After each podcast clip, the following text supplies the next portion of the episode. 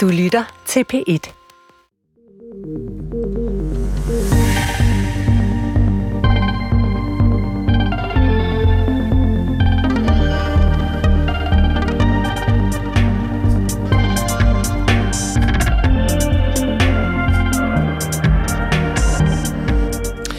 Velkommen til Ring til regeringen. Mit navn er Christina Elund, og jeg er uddannelses- og forskningsminister i SVM-regeringen for Moderaterne.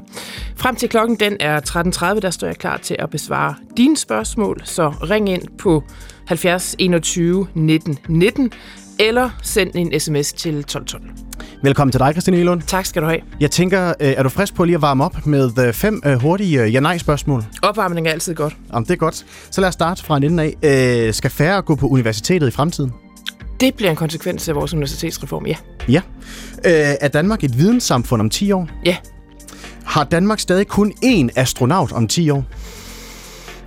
Åh, hmm, pas. Man kan håbe på mere. Vi gør i hvert fald, hvad vi kan for, at det skal fylde mere. Har dansk erhvervsliv haft indflydelse på loven om koranafbrændinger? Helt ærligt, det er jo mere nuanceret end som så. Øh, når man skal træffe sådan en beslutning, som den regering træffer i forhold til at gribe ind for det her, så er det jo en indtryk af, alt, altså af alle mulige hensyn. Det, der har været... du opgaven, Christine Elund? Det var ja eller nej? Ja, men jeg ved godt, at det er sådan en, en, en journalist øh, yndlings olympisk disciplin, det der med ja-nej.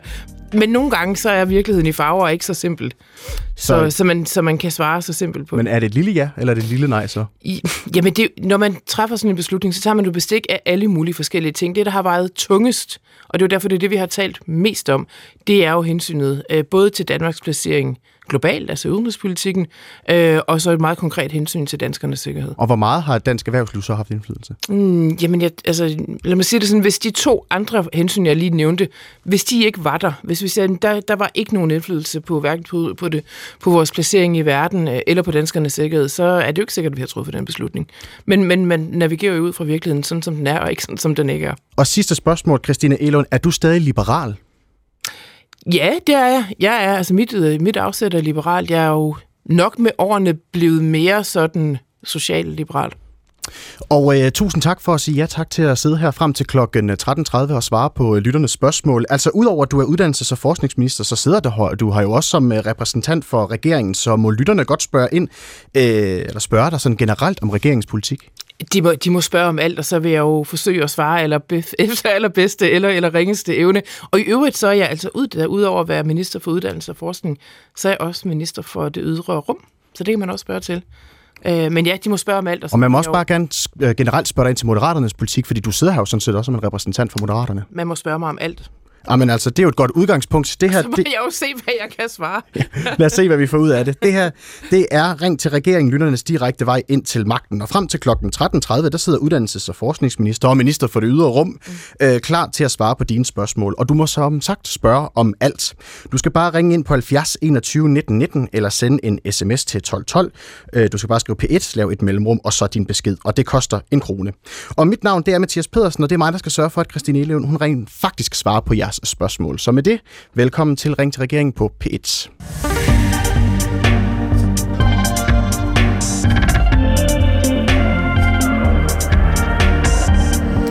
Men jeg tænker, Christine Lund, vi starter lige et, øh, et andet sted, øh, fordi at øh, de israelske militær, de har nu genvundet kontrollen over alle områderne i det sydlige Israel, og der, der har været under angreb fra øh, Hamas militante øh, grupper her de seneste to døgn, og øh, de seneste tabstal lyder på flere end 700 israeler, og over øh, 100 øh, israeler, de meldes øh, kidnappet, og 400 personer er blevet dræbt i Gaza i øh, israelske modangreb, det skriver Reuters altså.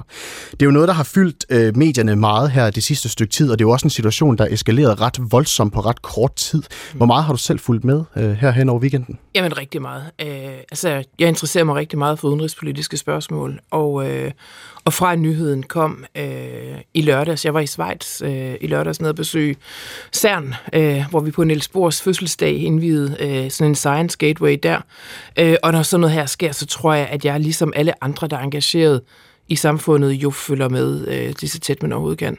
Så, øh, så jeg har fulgt tæt med. Gør det indtryk? Det gør en enormt indtryk. Altså, og i virkeligheden på to planer, fordi en ting er det politiske. Øh, hvordan forholder vi os? Hvad betyder det her? Hvordan, hvordan er andre landes involvering? Hvad betyder det på sådan en større geopolitisk plan øh, i verden? Øh, det er jo sådan den ene side af det, øh, og den anden side er jo selvfølgelig det nære, det, altså det, det er jo den humanitære, øh, de der jo helt forfærdelige billeder og beretninger fra øh, civile, altså gru på det civile område øh, på begge sider, som jo er helt, helt, helt forfærdeligt. Mm. Og statsminister Mette Frederiksen, hun har jo været ude og erklære sin uh, uforbeholdende støtte til uh, Israel. Øhm, er det klogt som statsminister og, og, hvad skal man sige, stille sig så meget markant på den ene side i sådan en konflikt her? Ja, det er det. Prøv at høre, sagen er, at øh, et demokrati, Israel, er blevet angrebet på den mest uhyrlige måde, man kan forestille sig, af en terrororganisation. Uh, der er ikke meget plads til, til gråzoner i, hvem man støtter uh, i den situation. Selvfølgelig står vi på Israels side, når de bliver angrebet uh, så, så massivt, som det gjorde her, af, uh, af en terrororganisation. Men det er jo lidt... og, jo, og, jo, og med det er det jo også et terrorangreb, uh, som vi har med at gøre. Men det er jo sådan et led i også en, en, en konflikt, hvor øh, blandt andet Israel jo også har fået kritik af, mens, øh, for på menneskerettigheder nede i, øh, i gasområdet over for palæstinenser. Altså, øhm, kunne der ikke have været plads til en statsminister, måske var, hvor der var måske nogle nuancer i måden, hun ligesom vælger øh, side? Jeg synes, der er plads til præcis nul nuancer, når det handler om at fordømme den handling, øh, som Hamas har udført. Så er der jo selvfølgelig i forhold til det medmenneskelige, altså det humanitære, der er det klart, at der er, altså, der er vores og min medfølelse jo til alle de civile, som, som bliver påvirket af det her. Både dem, der blev slået hjem, dem, der blev taget til fange, øh, dem, som er pårørende, altså som mister nogen, der som jo i almindelighed øh, er påvirket af det. Der er det klart, der er det jo en sympati menneske til menneske, hvor man holder politikken øh, ude af det. Men det er klart, at, at et terrorangreb, øh, det er jo en helt unuanceret fordømmelse af, af det. Og så er der jo på det menneskelige plan jo plads til, til, til mange flere nuancer. Jeg var selv i kontakt med, jeg har jo øh, en gang øh, i min ungdom øh, studeret i Paris, og en af mine nærmeste studiekammerater dengang øh, var fra Israel, Karen. Hun bor i Tel Aviv i dag, øh, så jeg har også selv været optaget, og det er jo sådan en, var et billede på, at vi jo også er mennesker, ikke? Altså, jeg har jo selv mm. været optaget af også at være i kontakt med hende og høre, hvordan hun og hendes familie og venner øh, har det. Og der har jo været mange politiske reaktioner her hen over weekenden, og øh, her øh, i dag der er der kommet en udmelding fra udenrigsordfører Michael Åstrup fra Venstre, som skriver, at det skal være slut med udvikling, udviklingsbistand til Palæstina. Og her der gør han altså udtryk for, at han taler på vegne af Venstres øh, gruppe og ikke for regeringen af. Står Venstre alene med den her udmelding om, at det skal være slut med udviklingsbistand til Palæstina? Så der er jo ikke kommet nogen udmelding fra regeringen endnu øh, på det her spørgsmål, og jeg synes, jeg synes egentlig, at når noget så voldsomt som det her sker, så, skal man, så er det måske i virkeligheden klogt lige at trække vejret dybt ned i maven og tænke sig om. Øh, og det har Michael Åstrup ikke gjort her, eller hvad tænker du? Jeg, jeg synes, spørgsmålet er jo nuanceret, ikke? og det er et udtryk også for, at, at, at, at altså, der er forskellige nuancer på spil her. Altså, på den ene side jo har man selvfølgelig lyst til at trække den hårdest mulige konsekvens over for Hamas, øh, som, som en reaktion på deres øh, jo helt forfærdelige angreb. På den anden side, så skal vi ikke glemme, at der er øh, civile spørgsmål og hensyn, øh, også på begge sider øh, af, af grænsen mellem Israel og Vestbreden og Gazastriben. Øh, og i det i den afvejning, så sige, det spændingsfelt af, af hensyn, skal man jo lægge, øh, skal man jo lægge en, øh, en linje. Jeg synes, det er mere vigtigt, at linjen er, er rigtig og nuanceret nu... og velovervejet, end at det nødvendigvis er hurtig. Så på nuværende tidspunkt er det ikke Moderaternes udenrigspolitiske linje, at øh, alt udviklingsbistand skal stoppe til Palæstina? Det er vores, øh, det er vores linje, at vi trækker vejret og tænker os om.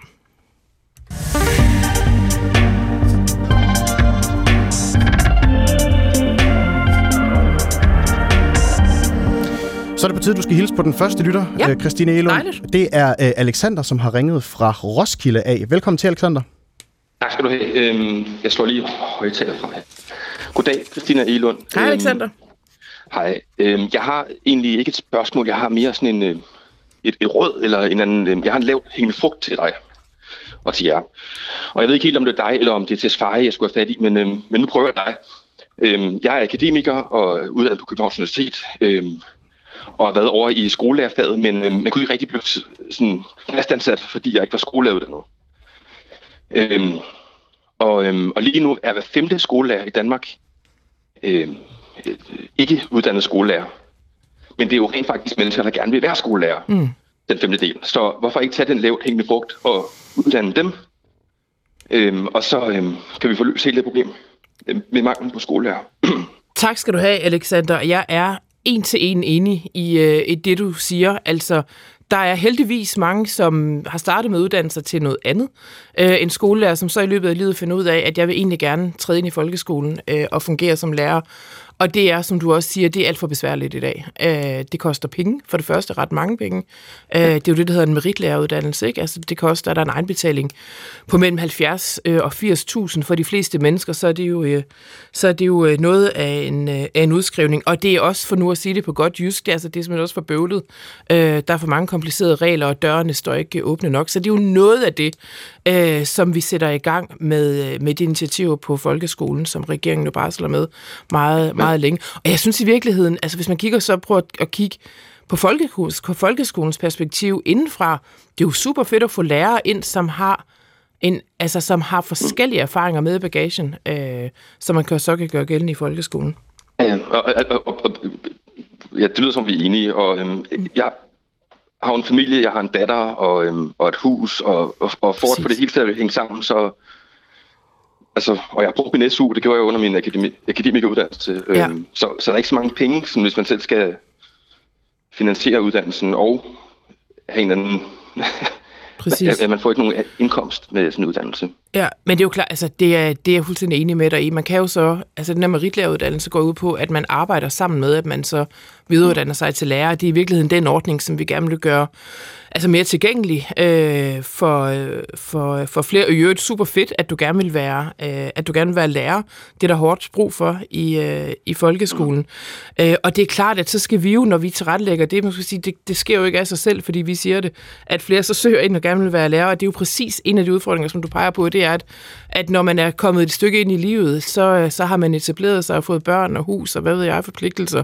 Øh, og så er det måske ikke lige der, man finder op til 80.000, både til at finansiere uddannelsen, øh, eller at gå ned på lavere indkomstgrundlag. Så det er jo noget af det, øh, som vi kommer til at spille ud med. Sådan, så det er også i den virkelige verden, og ikke bare øh, på et stykke papir, bliver, bliver noget, noget, der er tilgængeligt for, øh, for flere. Øh, jeg var ude at besøge Københavns Professionshøjskole sammen med Mathias Tesfaye, for det er jo noget, vi samarbejder om, fordi man kan sige, at folkeskolen er på Mathias Tesfajs område, dem, der uddanner lærerne, er på mit område, øh, så derfor er det noget, vi taler sammen om. Vi er ude at besøge øh, nogle faktisk meritlærerstuderende øh, i sidste uge for at høre dem, altså helt konkret, hvad er det for nogle meget konkrete barriere, som de oplever i forhold til at kunne, øh, at kunne uddanne sig som lærer. Og der var, altså der var en, som var uddannet jordmor, der var en, der var kendt med i historie, der var fra alle mulige forskellige baggrunde, og jeg tænker, når de alle sammen er blevet uddannede lærere kommer ud i klasselokalet, så får vi jo øh, en endnu større lærerstab, end det vi har i forvejen. Mm. Godt. Var det et svar til dig, Alexander? Ja, det var det. Tak skal I have, begge to. Og held og lykke. Tak for det. Og, og Alexander, han ringede altså ind på 70 21 19 19, som du også kan gøre, hvis du gerne øh, vil stille et spørgsmål til uddannelses- og forskningsminister Christina Egelund. Lad os lige blive øh, kort ved den her øh, meritlæreruddannelse, fordi som du siger, så kommer I jo med et udspil lige om et øjeblik, hvor det her det vil være en, øh, en del af det.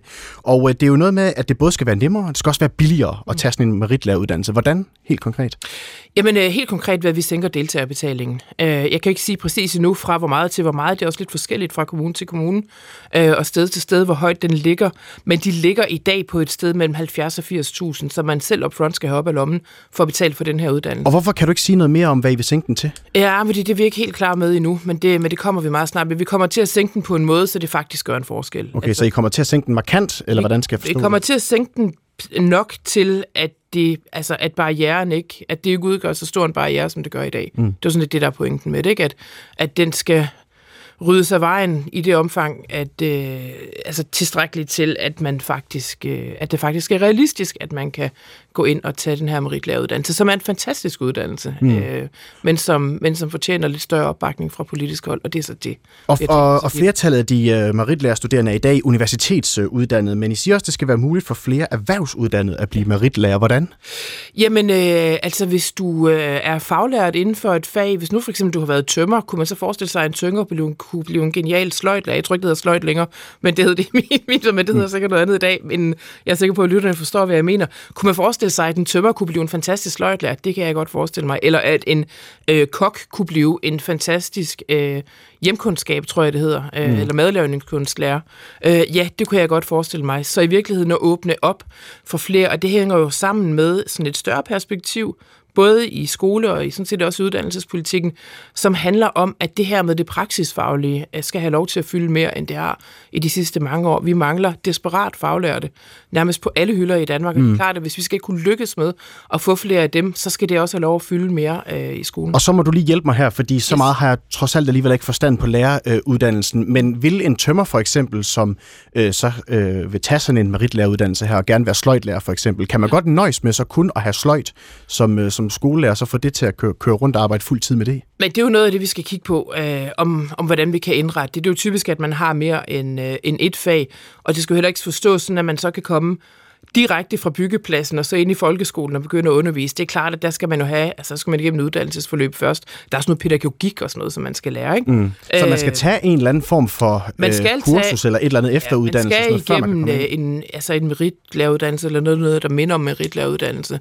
Øh, men pointen er, at det vi gerne vil, det er, at den overgang skal være så, øh, så nem og god som overhovedet muligt. Men så forstår jeg så ikke, hvordan det bliver nemmere, hvis man, hvis man som erhvervsuddannet, i, øh, inden man kommer ind på meritlæreruddannelsen, skal tage et eller andet øh, fag eller et eller andet Nå, andet. Nå, du behøver ikke at tage det, før du kommer ind på meritlæreruddannelsen. Altså opgraderingen, skal man sige, øh, overgangen fra øh, tømrer til lærer sker på meritlæreruddannelsen. Okay, så man, og hvordan sikrer man så, at øh, den øh, pågældende tømmer så har de, hvad skal man sige, kompetencer, den viden, som det kræver at gennemføre en meritlæreruddannelse? Altså det kan jo være øh, noget omkring øh, dansk på et eller andet vist niveau, mm. eller, eller så videre, ikke? Mm, mm. Det, er jo noget, altså, det er jo noget af det, som vi skal kigge på, hvordan vi konkret indretter, øh, hvordan vi konkret indretter det. Det er klart, at man skal jo også have et eller andet, altså man skal selvfølgelig også have et bogligt niveau for at kunne undervise i, øh, i folkeskolen. Jeg tror bare, pointen er også at anerkende, at der er også andre fagligheder, som tæller også i folkeskolen, end de rent boglige. Øh, og, øh, og i det lys, så kunne jeg godt tænke mig, hvis vi kunne indrette meritlæreruddannelsen på en måde, så den var mere, også i den virkelige verden, mere åben øh, for, øh, for flere, end det den er i dag. Og i den forbindelse, så har Begitte Pedersen fra Hørning øh, ringet ind. Velkommen til, Begitte. Tak skal du have. Hvad er dit spørgsmål til ministeren? Øh, det er ikke så meget et spørgsmål, det er mere en kommentar. Øh, fordi der bliver talt så meget om en stor mangel på folkeskolelærer. Og jeg kender et ung menneske, der har uddannet sig som folkeskolelærer. Hun er uddannet fra Silkeborg og bor i Aarhusområdet. Og hun er blevet uddannet her op mod sommerferien og siger, at hun har søgt rigtig, rigtig mange stillinger. Og der er rigtig mange ansøgere. Der er over 100 til hver stilling, og nogle gange endnu flere. Og, der, og de får ingen stillinger de bliver ikke ansat.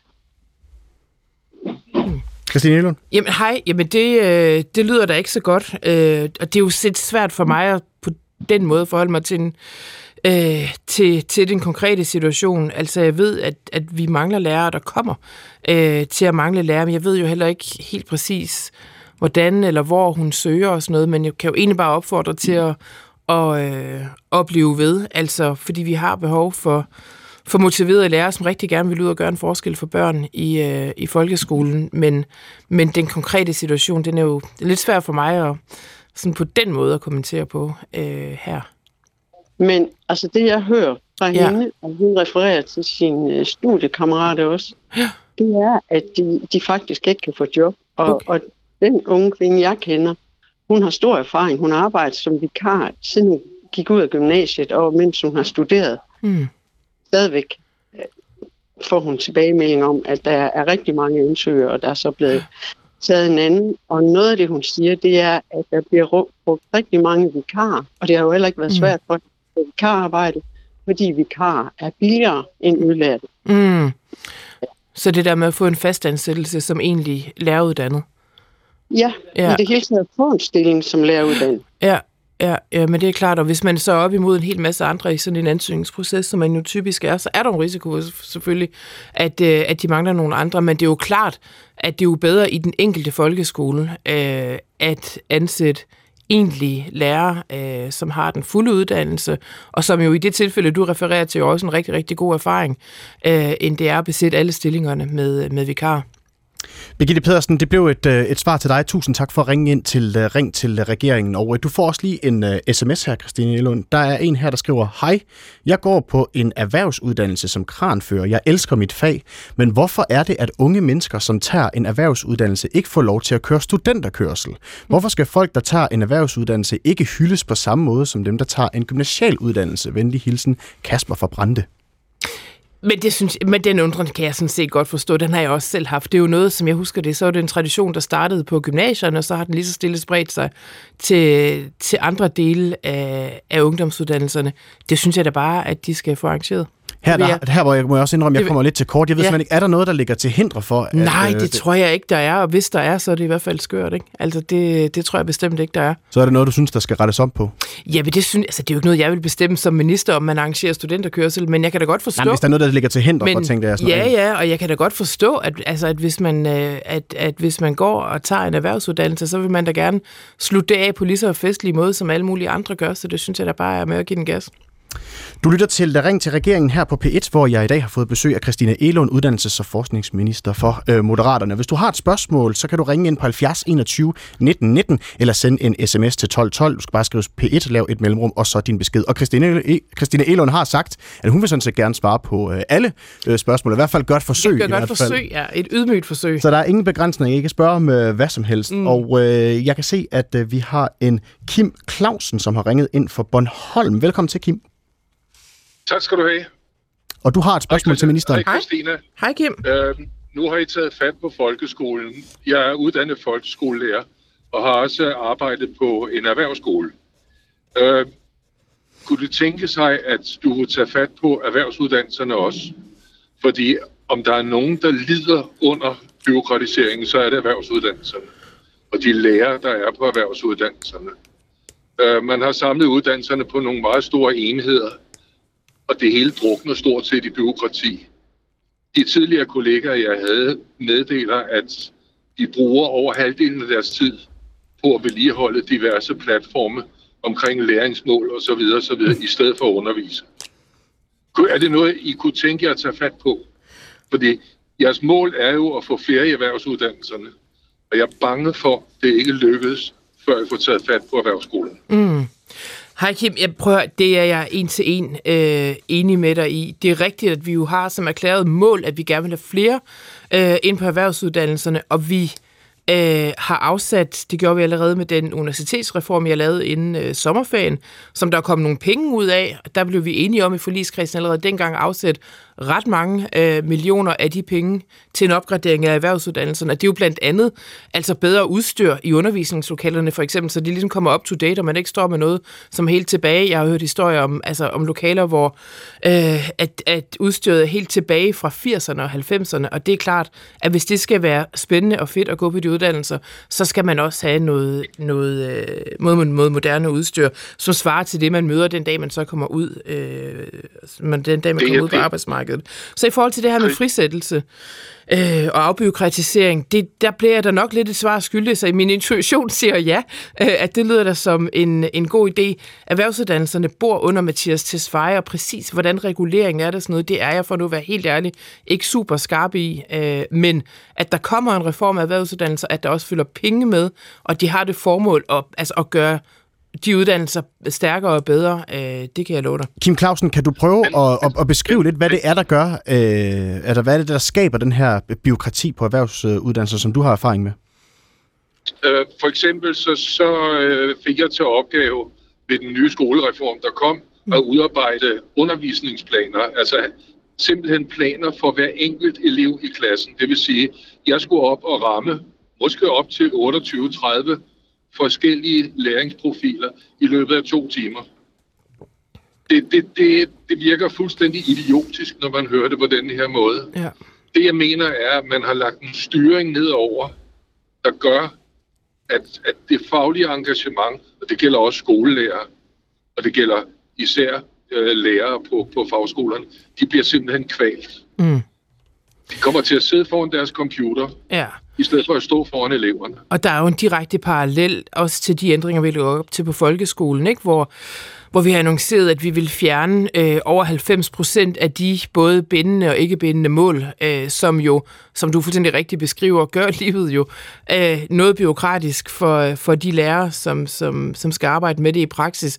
Og prøv at høre, Altså, hvis det er det samme billede, øh, som gør sig gældende på erhvervsuddannelserne, så kan jeg ikke i min vildeste fantasi forestille sig andet end, at, at det også vil være den linje, øh, som, som Tesfaye lægger i forhold til, til uddannelser. Vi lægger jo op til i virkeligheden en, en ret stor frisættelse af, af folkeskolen, øh, som statsministeren også tog hul på i forbindelse med åbningsdebatten i, øh, i sidste uge. Og det er jo ud fra den grundholdning, at vi fra politisk hold skal være noget mere tilbageholdende med at sidde og detaljregulere og overføre vores egen darlings til regulering, som man så skal, skal sidde og bøvle med øh, ude i virkeligheden. Så der ligger jo altså en, ikke bare en anerkendelse, men jo i virkeligheden også en selverkendelse af, at måske er det ikke lige præcis os, der er de bedste til at, at træffe beslutninger øh, ude i, i, i hverdagen på den enkelte uddannelse, men, men jo bedre jer, der faktisk arbejder med det. Kim Clausen, det blev et svar til dig. Kim, Kim, et, et sekund. Er der, er der stadigvæk? Ja, kom bare kort, kort, fordi vi skal videre. Øh, jeg ved bare, at der er stadigvæk tusindvis af dybt engagerede, sindssygt dygtige fagpersoner, der brænder for at levere viden. Og kan I sætte den fri, så sker der noget. Hmm. Det var det hele. Godt råd. Tak skal du have, Kim. Og tak for at ringe ind på 70 21 19 19, Kim. Så skal vi have fat i uh, Henrik, som ringer ind fra Haslev af. Velkommen til, Henrik. Øh, jeg går af, og tak fordi jeg måtte komme med. Værsgo at stille dit spørgsmål til uh, Christine Elund. Ja, jeg vil godt høre. Nu har jeg siddet og hørt nogle af de forskellige partiers øh, øh, årsmøder, og jeg plejer at høre en uh, del af dem. Der hørte jeg DF, de fortæller, at at det Lars Lykke siger om, at, at alle og masser af lande rundt omkring os, og dem vi er øh, mest øh, hvad skal man sige, øh, tilknyttelse, de har alle sammen en pakke, hvor det er forbudt at brænde koraner af, og man må ikke det ene og det andet. Nu, har, nu kunne jeg forstå på den øh, udsendelse, jeg hørte, at DF de har undersøgt det der, og det passer slet ikke, det Lars Løkke siger. Der er faktisk ikke nogen, der har sådan en, en øh, pakke, men de har noget andet noget, hvor politiet øh, separat under de øh, var separate udøvelser, hvis der er nogen, der brænder noget af, hmm. så kan de forbyde det, men de kan også lade være at gøre det. Så øh, der var, at øh, Lars Løkke bliver faktisk beskyldt for at lyve, Godt. når han siger, at de næsten alle sammen har sådan en øh, pakke. Det Henrik, passer jo ikke. Du kan ja. lige få et svar her fra Christine Elund. Ja, men jeg har hørt godt, øh, i hvert fald dele også af Morten Messersmiths øh, tale fra, fra Dansk Folkepartis landsmøde. Jeg har hørt godt, at han jo beskyldte jo nærmest Altså jo nærmest alle, øh, i hvert fald de tre øh, partiledere i regeringspartierne, for at være fuld af løgn. I forhold til det her med, hvad er det for en regulering andre lande omkring øh, Danmark har i forhold til at håndtere koranopbrændinger, så har man jo også med respekt for de forskellige grundlov og forfatninger, man har i forskellige lande, indrettet det her på, på forskellige måder. Nogle steder har man en ordensbekendtgørelse, som man kan læne sig op af. Andre steder har man andre øh, reguleringer. Det vi bare kan se, det vi bare kan konstatere, det er, er, at de eneste to lande, som har det her problem med, øh, at der systematisk, jo nærmest dag til dag, øh, er folk, der stiller sig op og render og brænder Koranen af med det bevidste formål at forhåne øh, en, øh, en bestemt religion. Det er Danmark og Sverige, og ikke alle mulige andre lande. Og jeg har forsøgt at dykke lidt ned i det. Altså, øh, Rasmus Paludan for eksempel, han forsøgte, nu kan jeg godt, var det tilbage i 2019 eller 20, det må du ikke hælde mig op på, men i hvert fald for, for få år tilbage, og rejse ind i Frankrig, øh, fortalt øh, styret i Paris, at han gerne vil holde en demonstration der, herunder og, øh, og brænde koraner af. Øh, og, øh, og han blev stoppet. Altså, for det første fik han ikke lov til at afholde den her demonstration i Paris. For det andet øh, blev han stoppet på, ind, altså på grænsen til, til Frankrig. De vil simpelthen mm. ikke have ham ind i landet med det forhane. Så det er jo rigtigt nok, at juridisk er der jo forskellige måder at håndtere det her på, fordi vi også har forskellige øh, grundlov. Faktum er bare, at det er Danmark og Sverige, som har det her øh, problem, og det stiller Danmark og Sverige øh, jo ret vanskeligt i en international kontekst. Men, men Ekstrabladet, Ekstrabladet, oh, et øjeblik, du skal nok, øh, et øjeblik, Henrik, du skal nok få ordet med et øjeblik, men Ekstrabladet har jo sådan set undersøgt, hvornår Rasmus Paludan, han sidst har kunnet øh, brænde en koran af, og han har vist ikke kunnet brænde øh, en koran af siden øh, i sommer, så vidt jeg er sådan nogenlunde, det er lige sådan på bagbenene, jeg lige husker det her. Øh, så der, der, der må vel være et eller andet i vores nuværende lovgivning, som allerede kan ja. sætte en stopper for for eksempel Rasmus Paludan. Men det er, som jeg forstår det, altså i det specifikke tilfælde Rasmus Paludan, så handler det om øh, evnen til at varetage hans egen sikkerhed, øh, og den rådgivning, der følger med det. Når det så er sagt, så har der jo, nu har jeg ikke lige tjekket de sidste par uger, men jeg gjorde det for et par uger siden, øh, at der var der anmeldt, altså dengang dagligt 5-6 demonstrationer i København foran forskellige ja, landes ambassader af forskellige mennesker, som stiller sig op og, og afbrænder koraner. Og så siger du, Henrik, ja, hvad så? Jamen, det kan man jo have forskellige politisk holdning til, og det er jo sådan set helt, øh, det er sådan set helt øh, legitimt.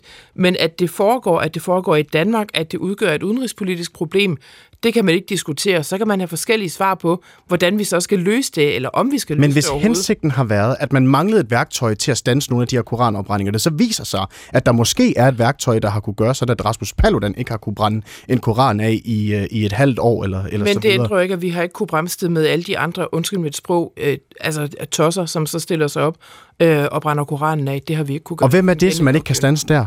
Jamen, det har jo været, hvad hedder de, de der, øh, hedder de danskernes, øh, nej, national samling, er et eller andet bevægelse, som, øh, som jeg ved ikke, hvilken tilknytning Rasmus Paludan har til dem, men jeg tror ikke, at det er forkert at sige, at det sådan er Rasmus Paludan like-minded øh, typer. De gør det jo, og det kan vi ikke, øh, det kan vi ikke forhindre. Henrik, Med den gældende lovgivning, vi har. Henrik, en kommentar for dig. Men, men Frankrig, de har ikke den paragraf om, at man ikke må brænde en koran af. Og de kan styre det ude. Hvorfor Det er fordi- kan Danmark så ikke det? Det er fordi, Det er jo- det er fordi at øh, Frankrig har en helt anden formulering om hensynet til den offentlige orden i deres øh, grundlov, end det vi har i Danmark. I Danmark, der har vi, det synes jeg sådan set er godt, øh, i Danmark, der har vi jo en meget bred definition, og en meget fast definition af forsamlingsfrihed i, øh, i grundloven, som gør, at det, øh, at det er vanskeligere sådan juridisk at indrette det med hensyn til den offentlige orden mm. præventivt øh, inden for rammerne af den danske grundlov. Men jeg skal bare lige det forstå, har man, der har man det anderledes i Frankrig med en meget stærk øh, ordensbekendtgørelse. så tror du, at en af grundene til, at vi ikke ser øh, koranafbrændinger på samme måde i nogle af de andre lande, så er det fordi, de har de værktøjer her? Er det 100. årsagen? Ja, 100 procent. Og ved, er det noget, du ved, eller er det noget, du... Øh... Jamen, jeg kan i hvert Er fald, jeg, kan i hvert fald, jeg tror jo sådan, set- jeg, jeg, jeg, jeg kan i hvert fald konstatere, at Rasmus Paludan blev bremset i sit forhavne i Frankrig. Han blev også, han også uønsket i det samme forhavne i Storbritannien, som også bremsede ham i at gøre det, eller afvist, øh, at det kunne han, øh, at det kunne han få, øh, få lov til. Jeg tror jo ikke, fordi hm, hvis man skulle prøve at vende logikken om, øh, skulle grunden til, at andre lande har færre problemer end os, så være, at de har færre, en mindre andel af tosser, som synes, det er fedt at stille sig op og brænde koranen af. Det tror jeg ikke. Altså, jeg tror ikke, at andelen Øh, af, af højre nationale tosser er større i Danmark, øh, end den er i, øh, i ligesindede lande. Øh, så det er, handler jo om, også i de andre lande, øh, om regulering og hvad man kan gøre for at gribe ind, når sådan noget her sker. Du kan lige i øh, den forbindelse, så får du lige en sms her fra øh, Henning Lindegård fra Horsens. Han skriver, hej, det var jo din partiformand, der foreslog århundredes vanvittige forslag om en begrænsning i ytringsfriheden. Huskede I at stille modkrav til muslimske lande om respekt øh, om Bibelen og behandle kristne i muslimske lande med respekt? Med venlig hilsen, Henning Lindegård fra Horsens. For det første, så er jeg jo enig i, og det kan man lige så godt bare sige det ærligt, altså at det er jo det er en indskrænkning i ytringsfriheden, hvis man forhindrer folk i at, at afbrænde koraner. Jeg er så ikke enig i, at det er århundredets dummeste udmelding. Jeg er faktisk meget enig i den udmelding, og man kan sige, det nytter ikke noget, at man insisterer på at diskutere det her alene ud fra et ytringsfrihedsperspektiv. Der er også et ytringsfrihedsperspektiv. Der er bare også det sådan i, i den anden vægtskål, som handler om, øh, om, øh, om det udenrigspolitiske, om Danmarks evne til at skabe alliancer rundt i verden. Det har vi behov for i den tid, øh, vi lever i. Der dur det ikke, at det vi bliver mødt med, det er, at vi er sådan et land, der på et eller andet måde, for det er jo sådan, det bliver taget ned, blåstempler, at man, at man forhåner øh, Ja, så kom Koran. der så et, et, Øh, øh, så og kom der er så en og sms så er her. der, og så er der jo så også et, et spørgsmål omkring sikkerhed, som man også bliver nødt til at tage mm. alvorligt. Jeg har fuld respekt for, at i afvejningen af de hensyn, at så er der nogen, der rammer, der kommer til en anden konklusion, end jeg gør, og at vi gør i regeringen. Men at man er nødt til at tage bestik af hensynet, også til sikkerhedsspørgsmål. Og det lytteren spørger ind til her, det var, der så kom nogle modkrav også øh, til nogle af de lande, som også måske har lidt problemer med, øh, med, nogle, med nogle menneskerettigheder, men så stiller nogle modkrav, når man nu vælger at sige her, at her der tager man altså hensyn til nogle muslimske lande, som er blevet meget stødt over de her koranafbrændinger i Danmark. Ja, men udenrigspolitik er jo ikke en, er jo ikke en, øh, en merkantil handel øh, på den måde. Altså, det er jo en dansk afgørelse, hvordan vi vil forholde os til den situation, øh, som vi står i. Men i politik, så Og det kommer der jo med, krav, og så kommer der modkrav den anden men vej, fordi, at, at hvis det er det billede, som bliver taget, så får man jo sådan en idé om, at det i virkeligheden er sådan en handel mellem Danmark på den ene side og et andet land på den anden side. Øh, det er jo ikke sådan, det foregår. Vi tager jo bestik af, hvad er det for en situation, Danmark står i i verden.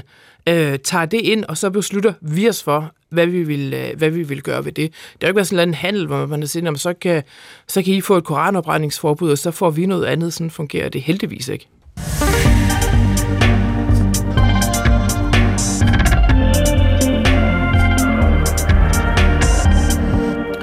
Og så har du fået et øh, spørgsmål fra en Tove Winter Pedersen, der har ringet ind på 70 21 19 19. Velkommen til, Tove. Ja, tak for det, du. Hvad er dit spørgsmål til ministeren? Jeg ved du hvad, øh, ja, nu skal du høre. Jeg er en gammel dame på 86 år, ikke også? Og der er meget, jeg undrer mig over i denne verden, men det, jeg undrer mig mest over, når jeg nu sidder og lytter til den her udsendelse, det er, hvordan bliver man minister for det ydre rum? det kunne jeg godt tænke mig at høre lidt om. Det var et godt spørgsmål, Tove. Fantastisk Ja. ja. spørgsmål. Tak skal du have, Tove. Og i øvrigt jo Ja. ja. fantastisk, at man stadigvæk øh, som 86-årig undrer sig over verden og har den nysgerrighed ja, med sig. ja, men ved du hvad, jeg har jo ikke tid til, jeg har jo tid nok til det jo. Det er helt Og fantastisk. jeg er født nysgerrig, så det, Fantastisk. det Det, er også noget af det, der holder os i gang og holder os skærpet som mennesker igennem det er livet. det da. Men Tove havde faktisk et ret godt Yes, spørgsmål, Christine hvordan- Elund. Ja, Hvordan bliver man minister for et ydre rum? Jamen, det hænger Ja. ja. jo...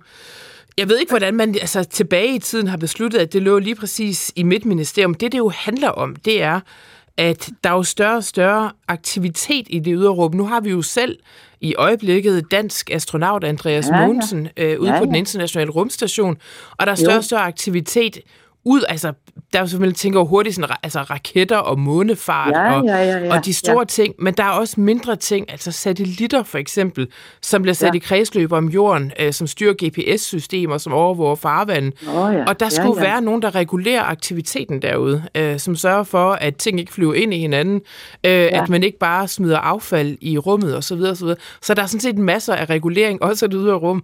Øh, og det bor så et sted, jeg tror, når det landede i mit ministerium, så er det fordi, at rigtig meget af det, der foregår derude, har med forskning at gøre.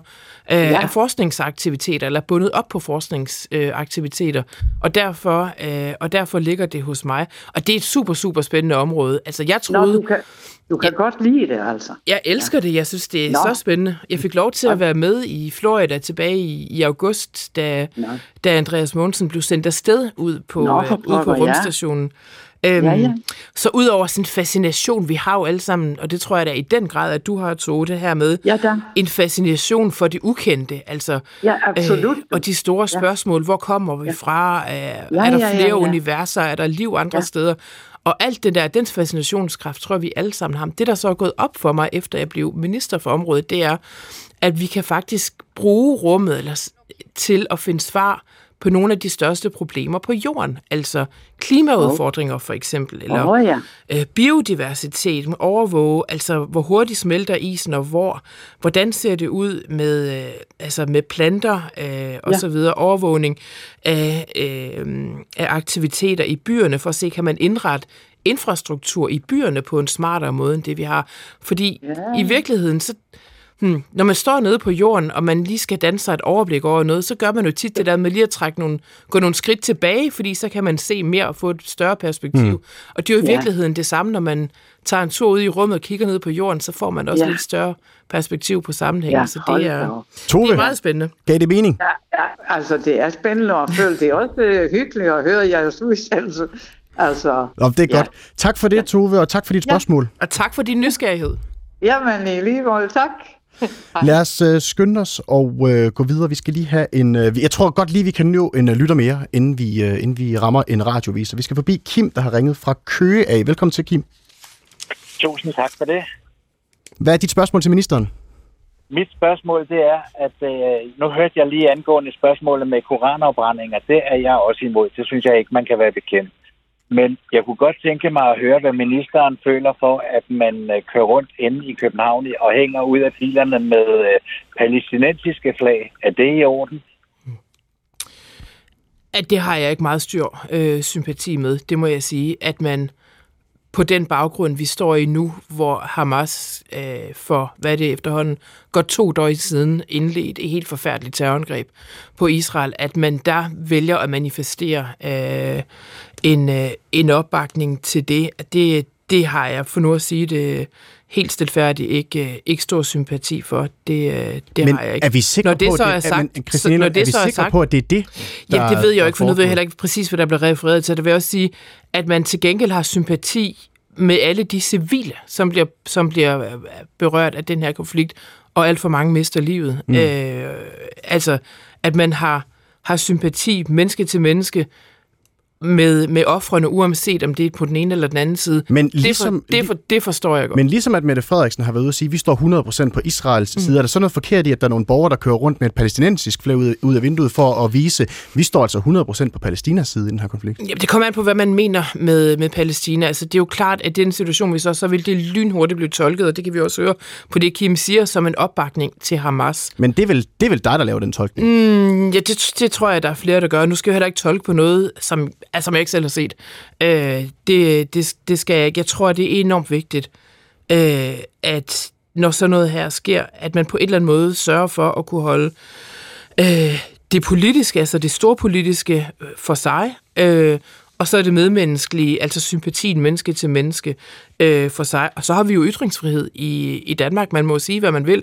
Man må dog ikke øh, hverken opfordre til eller billige øh, terror. Øh, men at man udtrykker sympati også med de palæstinensiske civile, som jo på alle måder er også er klemt i den her konflikt, det forstår jeg godt. Øh, men noget, der minder om opbakning eller forståelse for Hamas' handlinger, mm. øh, det har jeg øh, altså nul forståelse for. Kim? Jamen, øh, det var bare det, jeg ville høre, fordi selvfølgelig er det synd for alle de mennesker, det går ud over, men jeg synes ikke, at man øh, her fra Danmark af skal sende besked med, at vi støtter Hamas øh, ved Ej, at køre rundt med flag og råbe og skrige ud af bilerne. Øh, det burde også forbydes. Godt, Kim, tusind tak for dit, øh, for dit indspark. Altså, Christine Elund, øh, Socialdemokratiets øh, retsordfører Bjørn Brandenborg, han lavede et billede op på, på X med, med de her demonstrationer her, som der er foregået, kaldte det klamme billeder. Mm. Hvad tænker du om sådan en udmelding? Altså, hver fugl piper med sit næb øh, og kalder det det, man vil. Altså, øh, vi har jo vi har en udstrækt ytringsfrihed i Danmark, øh, apropos vores diskussion om koranopbrændinger før. Det, øh, det har vi, og det synes jeg er vigtigt. Jeg vil så også sige, at alt, hvad der minder om sympatikendegivelser med Hamas og deres terrorhandlinger, øh, det, øh, det synes jeg er altså i det hele taget forkert, og specielt i den kontekst, vi står i nu, jo altså helt, helt, helt mm. på munden. Men en af øh, arrangørerne af en af de demonstrationer, man har set, hvor der har været the palæstinensiske flag, har været ude og sige, at det er ikke en direkte, hvad skal man sige, opbakning til Hamas, men mere til den palæstinensiske befolkning. Gør det det bedre? Jeg synes, man skal være varsom med, hvad for nogle signaler man sender i den her situation, fordi der er med rette rigtig, rigtig mange også følelser øh, på spil, og situationen udvikler sig jo nærmest time for time. Jeg er sikker på, øh, at der sikkert også er kommet nyt øh, igennem den time, hvor vi har stået øh, her i, øh, i studiet. Jeg synes, og, og, og når jeg siger det, så er det med respekt for udstrækt ytringsfrihed. Folk må sige, hvad de, hvad de tænker øh, om den her situation. Jeg vil selv være enormt varsom ved at signalere noget, som kan tolkes i retning af øh, opbakning til Hamas, fordi Hamas er en terrororganisation, som har begået et terrorangreb øh, og, bes- og dræbt hundredvis af, af civile, uskyldige øh, mennesker i Israel.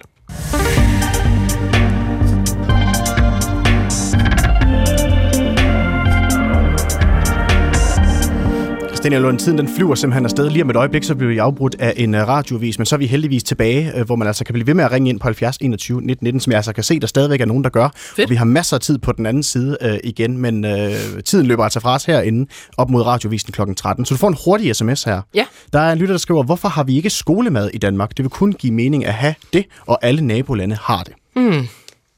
Jeg kan ikke redegøre for, hvorfor vi ikke har det. Det er jo nogen, der har besluttet på et eller andet tidspunkt, at, øh, at, det, at det skulle vi ikke have.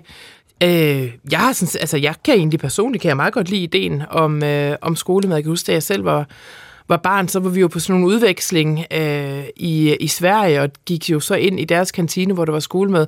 Det synes jeg selv var ret fedt. Øh, det synes jeg selv var ret fedt dengang. Jeg ved simpelthen ikke, hvorfor man ikke... Øh, hvorfor man ikke har det. Personligt synes jeg egentlig, at det er meget sympatisk. Christine øh, om et øjeblik så kommer der en radiovis på øh, tre minutter, og så er vi tilbage igen frem til kl. 13.30, hvor man altså kan blive ved med at stille dig spørgsmål, både på 1212 på sms'en og på 70 21 19 19 på telefonen. Er der noget, du savner at blive spurgt ind til nu her, øh, hvor vi alligevel har en, en halv time mere efter radiovisen? Øh, ja, vi kan jo godt tale mere skole, men jeg forstår også godt, at hele spørgsmålet omkring det, der foregår i Israel og i verden nu, så fylder, altså, fylder meget hos danskerne øh, og, hos, øh, og hos lytterne. Det gør det også hos mig, så fint nok også at tale om det.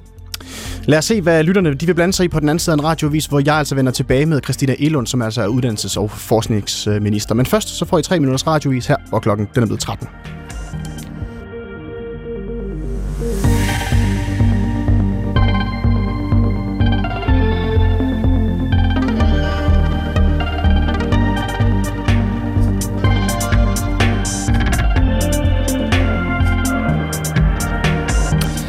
Velkommen tilbage til Ring til regeringen. Jeg hedder Christina Elund, og jeg er uddannelses- og forskningsminister i SVM-regeringen, og der er for Moderaterne. Frem til 13.30, der står jeg parat til at besvare alle dine spørgsmål, så ring ind til mig på 70 21 19 19, eller send en sms til 12 12. Og Christina Elund, øh, selvom at du er øh, minister for uddannelses- og for forskningsområdet, så har du jo også sagt, at du sådan set er frisk på at svare på hvad som helst. Så er det, er det en opfordring til lytterne, at de bare skal fortsætte her frem til 13.30? Det er det jo, så må det forbehold, det selvfølgelig er inden for rammerne af mine evner. at, at man, det er en og lidt flot invitation. og det vil jeg heller ikke garantere noget som helst for her. Det må du simpelthen stå for egen regning derovre. Vi finder ud af det. Ring ind på 70 21 19 19, eller send en sms til 12 12. Du skal bare skrive P1, lav et mellemrum, og så din besked. Og mit navn, det er Mathias Pedersen, og det er mig, der skal sørge for, at Christine Elund, hun rent faktisk svarer på jeres spørgsmål. Og med det, velkommen tilbage til Ring til regeringen.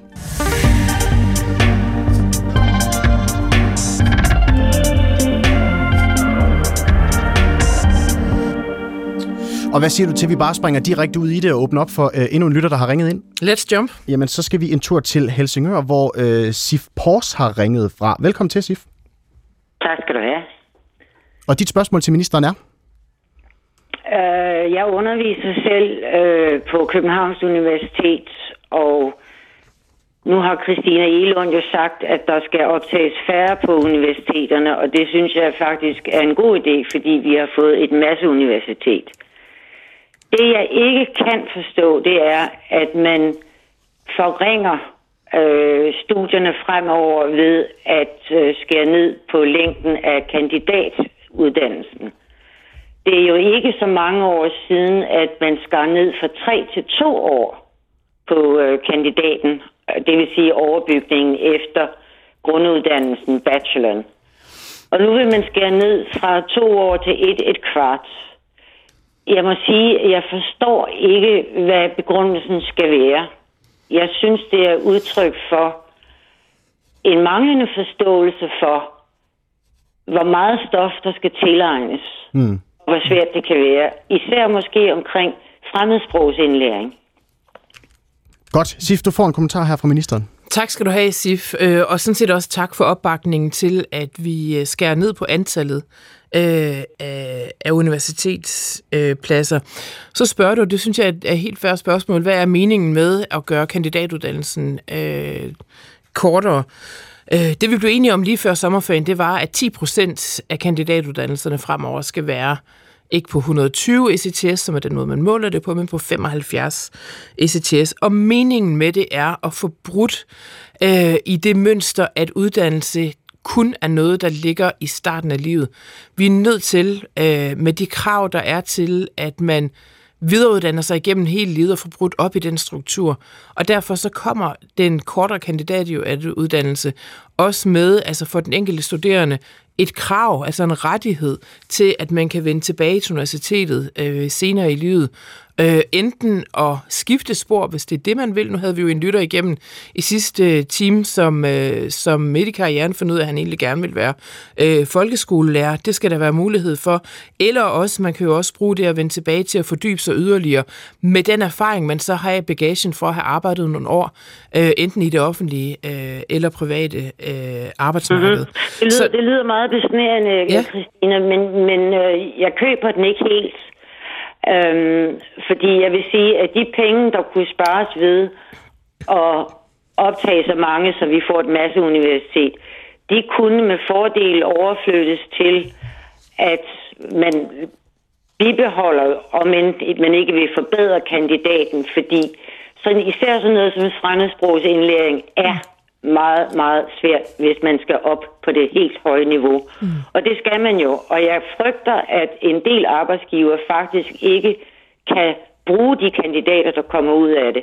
Og når jeg så samtidig sammenholder det med den mangel på midler, vi har, øh, især på humaniora, så kan jeg godt frygte, at vi simpelthen ikke kan få lavet øh, nogle valide uddannelser, når folk kommer tilbage. Det mm. bliver uhyre uhyre øh, ressourcekrævende, mm. og vi har ikke de ressourcer, sådan som vi bliver finansieret nu. I forhold til, til ressourcerne, så bliver vi jo også enige om, som er led af universitetsreformen, at permanent gøre nu bliver det lidt teknisk, men det, der hedder takst 1-løftet af humaniora og samfundsfag, og det er med 300 millioner kroner hvert år. Det altså, tror jeg lige, vi skal have uddybet, ja, det der takst, det fordi det, ja. jeg er ikke sikker på, at alle lige ved, hvad, hvad det betyder. Nej, det forstår jeg godt. Der er, altså, uddannelsespolitikken er belagt med helt utrolig mange forkortelser, som jeg også selv nogle gange far vil i. Det er helt tilbage fra, jeg tror det var fra 2009, det er i hvert fald mange år tilbage, at man kiggede ind på de humanistiske og, og, øh, og, og samfundsvidenskabelige uddannelser, så de har brug for nogle flere penge for at højne kvaliteten. Og det har så været øh, omkring 300 millioner om året og det kvalitetsløft, det takstløft, som så det, så, det så er, det har bokset frem og tilbage politisk og været til forhandling på finanslov, på finanslov, på finanslov, år til år, hvilket jo har skabt en kæmpe usikkerhed, for eksempel øh, på de humanistiske uddannelser og på de samfundsvidenskabelige uddannelser. Mm. Nu er vi enige om at permanent gøre det, så man faktisk har det kvalitetsløft permanent, kan planlægge med det og ved, at det, at det har man øh, at gøre godt med. Så er jeg enig med dig i, at der er en skrøbelighed i, øh, i vores, øh, altså i sproguddannelserne øh, på humaniora, som vi skal passe på. Altså, øh, i de optag, der, der var sket på de videregående uddannelser i, øh, i sommer, hvis jeg ikke husker helt forkert, så var optaget på jo helt elementære og vigtige fag, som fransk og tysk faktisk også ret lavt. Mm. Øh, og det går ikke. Øh, og kan de øh, uddannelser ende med at blive dårligere, hvis det er sådan, at, at for eksempel at tage en kandidatgrad i, i et fremmedsprog, som for eksempel fransk, altså hvis man så kun har det øh, et år frem for to år, er der så ikke, hvad skal man sige, større chance for, at man så måske ikke får de kundskaber med sig, som man skal bruge på den anden side? Mm, jamen, jeg får ja. lov til at svare på det, fordi det er mig, der har fingrene nede i dejen. Svaret er helt klart, Mathias, ja. Man kan ikke nå det på et år og et kvart semester, som man kan på to, og som man i gamle dage kunne på tre. Og det der med, at vi har fået det økonomiske løft, altså forløbig mærker vi ikke meget til det, og øh, vi har utrolig Altså udgangspunktet for den forbedring, det er simpelthen så lavt. Da jeg studerede i sin tid, der havde jeg 16 timers undervisning om ugen. Mm. Nu får de studerende 8. Mm, præcis. Og her taler vi på første og andet, altså på grunduddannelsen, på bacheloren. Ja. Christine Elund, men, et, flere et ting, her. men flere ting, og jeg kan sådan set godt lide at være ærlig. Jeg er fuldstændig enig med dig i, Tose, uh, Sif, undskyld, uh, at selvfølgelig kan man ikke nå det samme på et år, eller godt et år, som man kan på to år. Det er simpel matematik. Det er jeg helt enig med dig i. Så bruger, vi så bruger vi jo en hel del af de penge, der kommer ud af øvelsen, til faktisk at kunne få nogle flere timer øh, i den tid, man går der, sådan, så vi får løftet de timeantal, som du peger på, og som de studerende også peger på, øh, er, øh, er et problem. Øh, så, så det ligger jo også i reformen, at vi gør det. Og så tilbage til det der med tiden. Jeg er helt, jeg er helt på det rene med, at man kan nå mindre på et år, end man kan på to år. Og det er jo derfor, at det her med at bryde op i forløbet, altså at man så har de første fire, øh, fire et, et kvart øh, år på universitetet, og så med et, et, et krav om, eller en rettighed til at vende tilbage senere. Det tror jeg gør, at når man så, lad os sige, øh, øh, at man tjekker ind øh, på en 35-årig, som har gjort det, altså som har taget sin universitetsuddannelse, har været ude og bruge den, kommer tilbage til universitetet i et eller andet form, tager nogle flere fag der, jo faktisk altså er bedre rustet, end hvis man deler det op sådan meget øh, hårdt i, øh, i en blok først uddannelse, og så ud og arbejde, indtil man skal på pension. Punktum. Jeg tror, vi skal vende os til, også fordi vi jo lever længere, arbejder længere, kravene på arbejdsmarkedet øh, forandrer sig. Vi er jo nødt til at tage på os og mm. knække koden til, at det faktisk også bliver legitimt men de studerende, der kommer, chef men, og gerne vil videreuddanne sig de igennem studerende, livet. som så kommer ud efter en kortere uddannelse, de har jo så færre, hvad skal man sige, færdigheder øh, med sig. Det kan vel ikke være en god undskyldning at sende folk, der er dårligere uddannet ud på den anden side side ud på arbejdsmarkedet, med den begrundelse, at det er meningen, de skal vende tilbage igen? Jo, jo, det kan det godt. Man kan sige, vi højner os også kvaliteten. Vi lægger jo en hel del penge Jo, men du øh, anerkender lige, at man kan ikke nå det samme mere, på et år, i, som man kan på to år. I, øh, i mere undervisning, øh, end det, der er tilfældet i dag. Jo, men Christine, og, og med det, et øjeblik, Christine, du men har lige sagt... Men, men, jo, jamen, det er klart, men du har lige sagt, ja. at, øh, at du anerkender sådan set, at man kan, man kan ikke nå det samme mm. øh, på et år, som man kan på to år. Det betyder vel så, at vi sender nogen ud, som har dårligere kompetencer, end dem, vi sendte ud før på to år. Ja, men min pointe er, at hvis du skal måle kompetencerne, så skal man jo ikke kun måle det den dag, man er færdiguddannet. Man skal kunne noget og kunne videreudvikle sig igennem hele livet. Og vi har simpelthen ikke knækket koden i Danmark med det her med at få uddannelse til at følge igennem en hele livet. Det hænger sammen med en hel masse struktur. Det er dem, jeg gerne vil, vil bryde op i. Jeg anerkender ikke, at uddannelse kun er noget, man har sådan reel adgang til øh, i starten af, mm. af voksenlivet. Øh, Sif Pors, tusind tak for øh, at ringe ind på 70 21 19 19. Du får lige i forlængelse her, der får du lige en sms her, Christine Elund, fordi det er lidt i samme dur. Øh, der er en, der skriver her, du taler om vigtigheden af, at vi kan videreuddanne os hele livet. Alligevel står kandidatreglen ved magt, der i praksis betyder, at man ikke kan komme ind på en ny uddannelse, når man er øh, kandidatuddannet, med mindre der er ledige pladser. Det betyder reelt, at man kun kan blive optaget på upopulære uddannelser senere i livet, og dermed ikke kan læse til psykolog midt i livet. I mine øjne er det et kæmpe problem, at man ikke kan få en chance mere, hvis man i øvrigt er øh, kvalificeret og motiveret. Med venlig hilsen Marie øh, Elisabeth Pil, mm. Øh, forsker og Ph.D. Jamen to ting til det. Altså for det første, jeg synes, at det er, hmm, jeg synes, det er rimeligt, at hvis der er en plads, lad os nu bare sætte et eksempel på et eller andet, øh, øh, på, på en kandidatuddannelse, og der er en, som ikke har en kandidatuddannelse i forvejen, og en anden, der har en kandidatuddannelse i forvejen, så synes jeg, det er fair, at vedkommende, der ikke har en, så at sige, altså står forrest i, øh, i køen.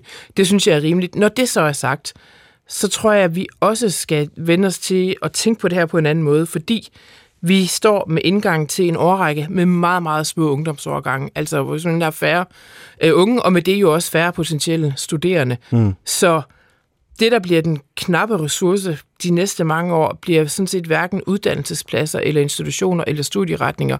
Det bliver, øh, det bliver studerende. Så kommer kandidatreglen reglen til at blive stående? Altså, som princip, at man, øh, at den, der ikke har en kandidatuddannelse, har forrang foran for den, der har en. Ja, det gør den. Så det her med, hvad hedder det, livslang læring, det gælder så primært for dem, som ikke havde en kandidat i forvejen? Nej, fordi du skal jo ikke, du skal jo ikke tilbage. Man kan sige, hvis du vil tilbage og så tage en helt ny kandidatuddannelse, så er det den regel, der gælder. Det, som vi taler om i i den nye måde at gøre det på, det er jo, at du kommer tilbage og bygger videre på den uddannelse, du har i forvejen. Og det er jo klart, at så er du jo ikke i kampolage med en, der står af bachelor og skal ind på en helt ny kandidat. Så livslang læring handler ikke om, at man skifter spor, for eksempel? Jamen, det kan gøre begge dele. Altså, det kan både være, at man skifter spor, at man, at man, man bliver det klogere igen, men man har arbejdet nogle år, at det var i virkeligheden noget andet, mm. øh, som man er dygtig til eller interesserer sig for. Øh, eller det kan også være mere fordybet. Men det, det bliver ikke nemmere så. Det bliver ikke nemmere at komme ind og skifte spor. Der skal man stadigvæk bagerst i køen. Øh, jamen, det kommer an på, hvordan man skifter spor. Der er jo også mange forskellige fag inden for, altså inden for den samme uddannelse, øh, som, som man kan vælge. Jamen, nu, hvis vi bare tager Marie Elisabeth Pils mm. øh, eksempel her, ikke? for mm. eksempel psykolog, så, øh, så havner du jo bagerst i køen, hvis ikke du har en, øh, hvad hedder det, hvis du har en kandidat i forvejen i noget andet, selvom man måske øh, som øh, Marie Elisabeth her øh, selv får, altså, hvad hedder det, kommer med som eksempel. Du har motivationen, du har kvalifikationerne, men fordi du har taget en kandidat i noget andet, så ryger du altså bag. Jamen, det er lidt to forskellige problemstillinger, vi taler om. Øh, Jamen, altså, nu er det bare lytterens, fordi, ja, lytterens problemstilling her, vi taler om. Ja, men jo med afsæt i den reform, vi har lavet, som der vil stille spørgsmålstegn ved. der går vi jo fra, altså for dem, på de kandidatuddannelser, som bliver forkortet, de er i dag 120 ECTS, som stadigvæk er, vil være standarden, altså 90 procent øh, af dem, vi har, øh, og så ned til 75 ECTS, som man jo ikke kender fra utrolig mange andre lande, øh, og har gode erfaringer med. De 45 ECTS, som så er i forskel, kan man sige, som man har ret til, dem kan man så vende tilbage og tage som enkeltfag, som moduler, og det vil jeg gerne gøre meget mere fleksibelt, end at man vender tilbage i et regime som fuldtidsstuderende. Mm. Øh, det er jo sådan set det, vi gerne vil, fordi jo også i forlængelse af det, som lytteren i sidste time spurgte til, hvordan skal man kunne det, når man pludselig så har fået nogle børn og købt et hus og står i en helt anden situation. Det skal være meget mere tilgængeligt.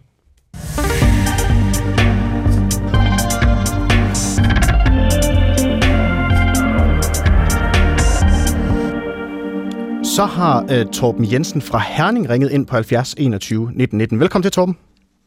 Tak. Jeg dit... har et meget kort svar. Det er et ja-nej-svar. Er du for eller mod aktiv dødshjælp?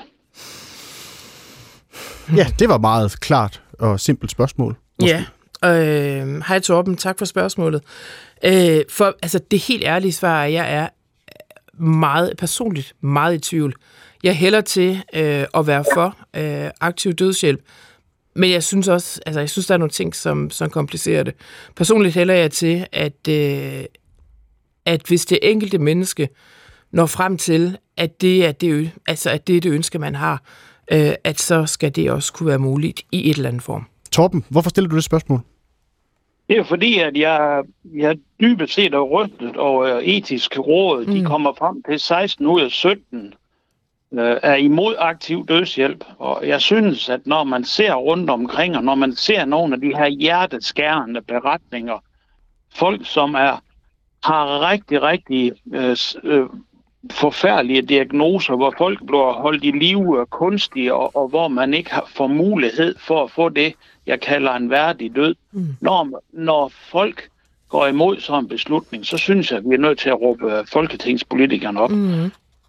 Det er jeg sådan set meget øh, enig med dig i, Torben. Som sagt, så hælder jeg også selv til øh, at gå ind for, øh, for aktiv dødshjælp. Jeg anerkender også bare, at der er nogle dilemmaer i det. Jeg synes på et eller andet måde også, den debat, vi har om aktiv dødshjælp i Danmark, og måske i virkeligheden også etisk råd stillingtagen, peger på altså noget, som jeg selv har tænkt i overvis.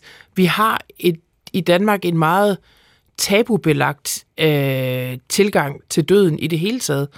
Øh, det er som om, det er noget, vi ikke sådan rigtig forholder os til, eller lidt lader som om øh, ikke findes, indtil det jo så en dag alligevel gør. Jeg har boet en hel del over mit liv i, øh, i Frankrig, og har en fransk øh, kæreste.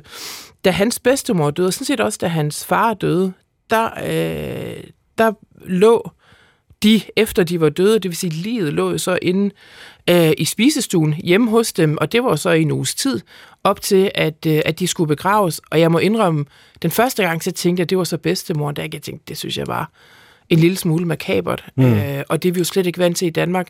Men jeg synes, at det kan det der med at aftabuisere døden, gøre det til en naturlig del også af en families historie, at døden kommer på et tidspunkt, og det er man nødt til at forholde sig til. Øh, og, øh, og det synes jeg også, vi skal, vi skal gøre her. Og så har jeg hørt nogle argumenter i forhold til det her med at være imod aktiv dødshjælp, at staten skal ikke slå folk ihjel. Man kan sige, at i dag er det jo sådan set det modsatte, der gør sig gældende. I dag beslutter staten imod den enkeltes vilje, at det kan godt være, at du vil det, men staten bestemmer, at det mm. skal du ikke. Men nogle af dem, som hvad skal man sige, har hilset uh, etisk råds uh, udmelding velkommen, det har blandt andet været Lægeforeningen for eksempel. Ikke? Camilla Ratke, som er formand for Lægeforeningen, hun har været ude at sige, at det strider simpelthen fuldstændig grundlæggende imod sundhedspersonalets opgave, når man pludselig skal til at tage i godsøjne, tage livet af folk, frem for at holde dem i live. Kan du forstå den? Altså, jeg, hmm, nu er jeg jo ikke læge. Jeg forstår sådan set godt, hvad hun, hvad hun mener. Jeg tror også, jeg synes, at hvis man skulle indføre aktiv dødshjælp i Danmark, så skulle det være sådan, at den enkelte læge eller sygeplejerske, eller hvem det nu er, sundhedspersonale, som ikke vil deltage i det, at det skal man have mulighed for at sige nej til, at det, det vil jeg ikke, for det strider imod min egen etik øh, og moral. Men vi ved også, at der er læger og sundhedspersonale, som gerne øh, vil, eller gerne vil, det er måske sådan lidt flot sagt, men, men, som, øh, men som gør det, og som, øh, som jo synes, at det er forenligt med deres, øh, med deres gerning. Mm. Nu øh, øh, påpeger Torben Jensen jo også her øh, etisk råd. Man kan sige, det er ligesom anden gang nu her i, på meget kort tid, at øh, etisk råd har været ude med en udmelding. Senest så handlede det om øh, abortgrænsen, ja. hvor, øh, hvor hvad hedder det, etisk råd sådan set var klar til at øh, hæve grænsen øh, for, hvornår man kan få foretaget en abort. Mm. Og i det tilfælde, der var der sådan set ifølge en, øh, en, en opinion, som Altinget havde fået lavet, der var der sådan set et flertal blandt danskerne, som sådan set synes, at den abortgrænse, den lå fint, mm. øh, hvor den var. Mm. Nu kommer øh, etisk råd så også ud med en udmelding omkring aktiv dødshjælp, hvor, øh, som øh, vores lytter her selv siger, et stort flertal jo, øh, det er nærmest alle på nær, på nær en, øh, som er imod aktiv dødshjælp, på trods af, at en øh, opinionmåling, som DR har fået foretaget, viser, at et stort flertal af danskerne er for aktiv dødshjælp. Er, aktiv, eller er etisk råd fuldstændig ude af trit med danskerne? Man kan i hvert fald sige, at det er jo ikke noget, øh, det er jo ikke noget borgerlæflende organ, vi har der etisk råd, og det er måske sådan set meget godt, fordi det er heller ikke deres opgave. Altså etisk råd er sat i verden til at rådgive øh, os om etiske spørgsmål, og det er så det, de, de, de tager på sig. Men det er jo ikke, øh, altså, men vi er jo ikke, vi er jo ikke hverken som regering øh, eller borgere i det hele taget bundet af de anbefalinger, etisk råd kommer med. Jeg synes, øh, at når etisk råd behandler noget, så kommer der jo, øh, jo altid nuancerede betragtninger ud af det forhold, som man måske ikke lige selv mm. øh, havde tænkt over, og det er den rolle, øh, de har. Men altså med de to eksempler, du peger på, så kan man i hvert fald fritage dem for at være populister, og det er jo sådan set meget godt. Så har etisk råd øh, ifølge dig stadigvæk en relevans? Ja, det synes jeg, etisk råd øh, har. Jeg synes i det hele taget, at vi øh, som samfund og som folk jo måske skal bruge lidt mere tid på de her etiske dilemmaer og de etiske spørgsmål, øh, end det vi gør. Og der er, og der er etisk råd jo altså en, en blandt mange øh, spillere i det. Jeg hilser det virkelig velkomment, at vi nu har en diskussion omkring, øh, omkring aktiv dødshjælp. Øh, hvis, øh, hvis lytterne vil tage imod en boganbefaling, så kan jeg anbefale en bog, som Kirsten Jacobsen, forfatteren Kirsten Jacobsen har skrevet, jeg tror den udkom sidste forår, øh, hvor hun jo beskriver øh, det forløb, hun havde omkring sin meget syge mand, mm. øh, og sine betragtninger i forhold til at leve op til det løfte, de havde givet til hinanden, øh, omkring hvordan deres sidste tid skulle, øh, skulle være. Nu har regeringen så også sådan set øh, nedsat et udvalg, som hedder Udvalget for en mere værdig død med sovende, præsten øh, Katrine Lilleør i spidsen, som blandt andet også skal starte en debat om blandt andet aktiv mm. dødshjælp. Altså, er det ikke det, vi har etisk råd til? Hmm, jamen, etisk råd er jo sat i verden for at gøre det, som de gør. Jeg synes, altså hvis man skal flytte sig politisk på sådan nogle spørgsmål, er det jo ikke noget, man skal lige skal gøre øh, på et eftermiddag, eller fordi man øh, beder opinion om at undersøge, hvad danskerne synes. Det skal være på baggrund af meget øh, dybe øh, overvejelser, hvor man ligesom får belyst også de gråzoner, der kan være, øh, der kan være i det, og derfor tror jeg ikke, at vi kan altså komme et sted, hvor vi siger, nu, nu ved vi simpelthen enten nok øh, eller for meget om det her. Så I ved ikke nok om det, øh, også her på baggrund af etisk råd? Jeg vil i hvert fald sige, altså for min egen, altså i min egen tilfælde, så selvom jeg jo siger, at jeg hælder måske også lidt kraftigt imod, at jeg går ind for, øh, at aktiv dødshjælp skal være, skal være lovligt, så er der også en fli af mig, øh, som er i tvivl. Og helt ærligt, det her det er et spørgsmål om liv og død, og hvordan Altså, og hvordan afslutningen på vores liv skal være, det synes jeg fortjener en, øh, for det første en, altså en grundig debat, men jo også en virkelig bred oplysning. Men altså man kan jo sige, det kommer vel næppe øh, som en kæmpestor overraskelse, at det etiske råd øh, ikke har et flertal for at, at stemme for aktiv dødshjælp. De har sådan set øh, været imod det øh, tre gange øh, før. er det ikke lidt for nemt, så når man godt ved, at det måske peger den retning, så bare nedsætte et øh, nyt udvalg, øh, i stedet for at tage at kigge på det samme spørgsmål? Så nu er etisk råd jo ikke sat i verden for så at pege på det, som man går som politiker og håber på, øh, at, øh, at de peger på. Der er en armslængde, som er gældende der. Det skal der være. Etisk råd er jo sammensat blandt andet med medlemmer, som er udpeget af, af de politiske partier, og det afspejler det, øh, og det afspejler det også. Etisk råd har jo, tror jeg, igennem tiden også flyttet sig på forskellige spørgsmål.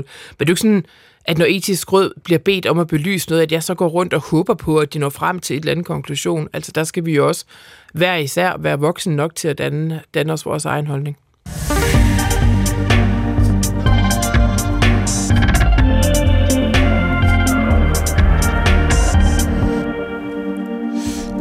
Så er der en øh, lytter her, der skriver, Hej Christina Egelund, er Danmark i gang med at undersøge UFO-hændelser i Danmark? Vi har jo den dygtige astroforsker øh, Anja C. Andersen med en åben og kritisk undersøgende tilgang til emnet. Mange hilsner fra mig Christensen. Øh, jamen, det ærlige svar er, det ved jeg faktisk ikke, øh, om vi er i øvrigt enige i, at Anja er en fremragende forsker og en fremragende repræsentant for videnskaben. Øh, og det at være forsker, om nogen øh, undersøger øh, UFO-begivenheder øh, i, øh, i Danmark eller i vores øh, luftrum, det ved, det ved jeg simpelthen ikke. Tror du selv, der er liv derude? øh, jeg tror, at det er mere sandsynligt, at der er, end at der ikke er. Så tror men du på UFO'er, for eksempel? Men at det er sådan nogle, der kommer og rejsende på mystiske sæbekassel rumfarter, og, og så besøger jorden.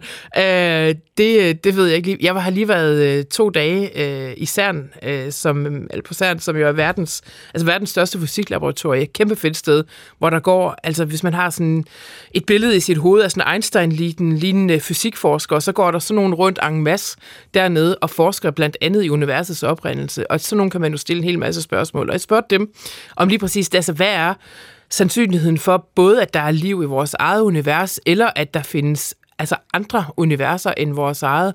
Og deres, så de siger sådan, at det er jo bare et gæt, for de ved det ikke, men ud fra sådan en øh, sandsynlighedstænkning, så er det mere sandsynligt, siger de, at der er, end at der ikke er. Og det på en eller anden måde er det jo også, det er også en, det er også en fascinerende tanke, man helst vil blive i, ikke? fordi så har man forestillingen om, hvad er de så for nogen, og hvad er det så for et liv? Ikke? Og jeg tror du, det er nogen, der er lige så intelligente som os, eller måske mere derude?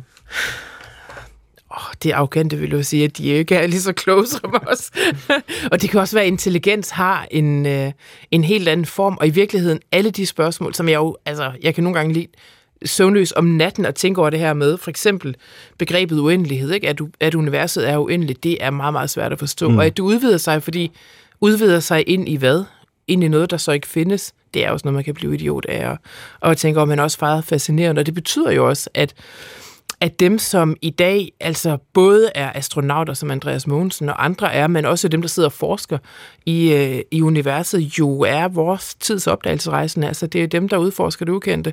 Øh, og prøve at overveje, hvad vi fik ud af Christopher Columbus og polarforskerne og alle mulige andre i forhold til vores opfattelse mm. og viden om virkeligheden og om jorden. Men lige præcis øh, så, er det jo, så er det på den måde, vi skal tænke også på den her forskningsdisciplin. Men lige præcis uforskning er jo noget, der fylder meget i øh, USA lige i øjeblikket. Der, øh, der, der taler de jo meget om det her med, om han har fundet noget, eller man ikke har fundet noget. Er det ikke værd også, når man nu er minister for det ydre rum, måske også at sætte noget i gang herhjemme, øh, for at undersøge, om der måske har været UFO-aktivitet i Danmark? Nu har vi jo en god tradition i Danmark for forskningsfrihed, og det betyder, at, at jeg ikke som minister lige ringer ned på Københavns Universitet og siger, jeg synes, det her er spændende, vi ikke lige undersøge det. Det er jo forskernes egen, øh, altså både videnskabelighed, men også deres egen nysgerrighed, som er drivende for, øh, hvad man beskæftiger sig med, i hvert fald i, i grundforskning. Og så bruger vi jo så også forskningen til at løse specifikke problemer, for eksempel inden for den grønne omstilling, eller vi har lige lanceret en meget stor kvantestrategi, hvor det selvfølgelig er det, det handler om. Men, øh, men den der nysgerrighedsdrevne forskning, den øh, tror jeg, at det er meget vigtigt, at jeg ikke blander mig i. Så øh, der kommer ikke noget dekret fra ministeren om, at nu skal der altså undersøges i UFO'er? Jeg synes, det er klogt at kunne stave til armslængde, og det øver mig i. Christine Elund, vi når ikke mere i uh, dagens udsendelse. Er der, no- er der en ting, du sådan særligt vil tage med dig fra dagens udsendelse af? Mm, altså, jeg var meget begejstret for, uh, for Tove på 86, som ringer ind og proklamerer, at hun er nysgerrig på alting. Det er det prøver jeg selv at, at være i hverdagen, og det er altså hermed også en opfordring til at være, være som Tove. Christine Elund, du skal i hvert fald have tusind tak for at være med i Ring til regeringen på PIT. Fornøjelse. Christine Elund, som altså er uddannelses- og forskningsminister.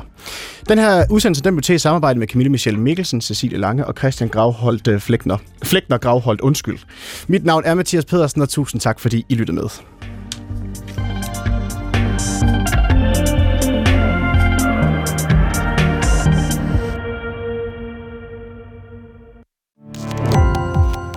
Gå på opdagelse i alle DR's podcast og radioprogrammer. I appen DR Lyd.